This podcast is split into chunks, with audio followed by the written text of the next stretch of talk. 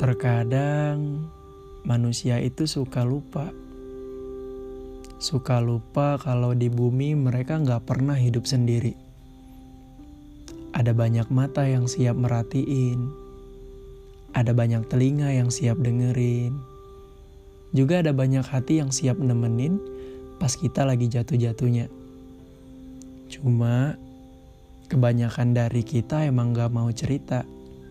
Atau gak siap cerita lebih milih buat nanggung semua beban sendiri karena hati sedang belajar tahu diri. Ya, sebenarnya nggak salah, walaupun nggak bener juga. Ketika yang dirasa udah terlalu berat, nggak apa-apa kok sesekali berbagi. Jangan dipendam terus. Sakit soalnya. Mungkin di antara kalian masih ada yang belum bisa ikhlas sepenuhnya. Mungkin masa-masa indah yang pernah ada dulu masih aja sering lewat sesukanya. Tapi mau gimana lagi kalau takdir emang gak memihak? Kita jatuh tanpa bisa memilih. Kita mencintai tanpa bisa memaksa. Ikhlas pun sama bentuknya. Gak bisa ditentuin kapan dan gak bisa dipaksa biar instan. Semuanya butuh proses, dan proses itu akan melebur dalam waktu yang sedang dijalani hingga saat ini. Mungkin pernah terlintas juga di kepala, kenapa dulunya dipertemukan kalau akhirnya nggak bisa sama-sama. Kenapa dulunya dibuat saling membahagiakan, kalau akhirnya malah saling menancapkan luka.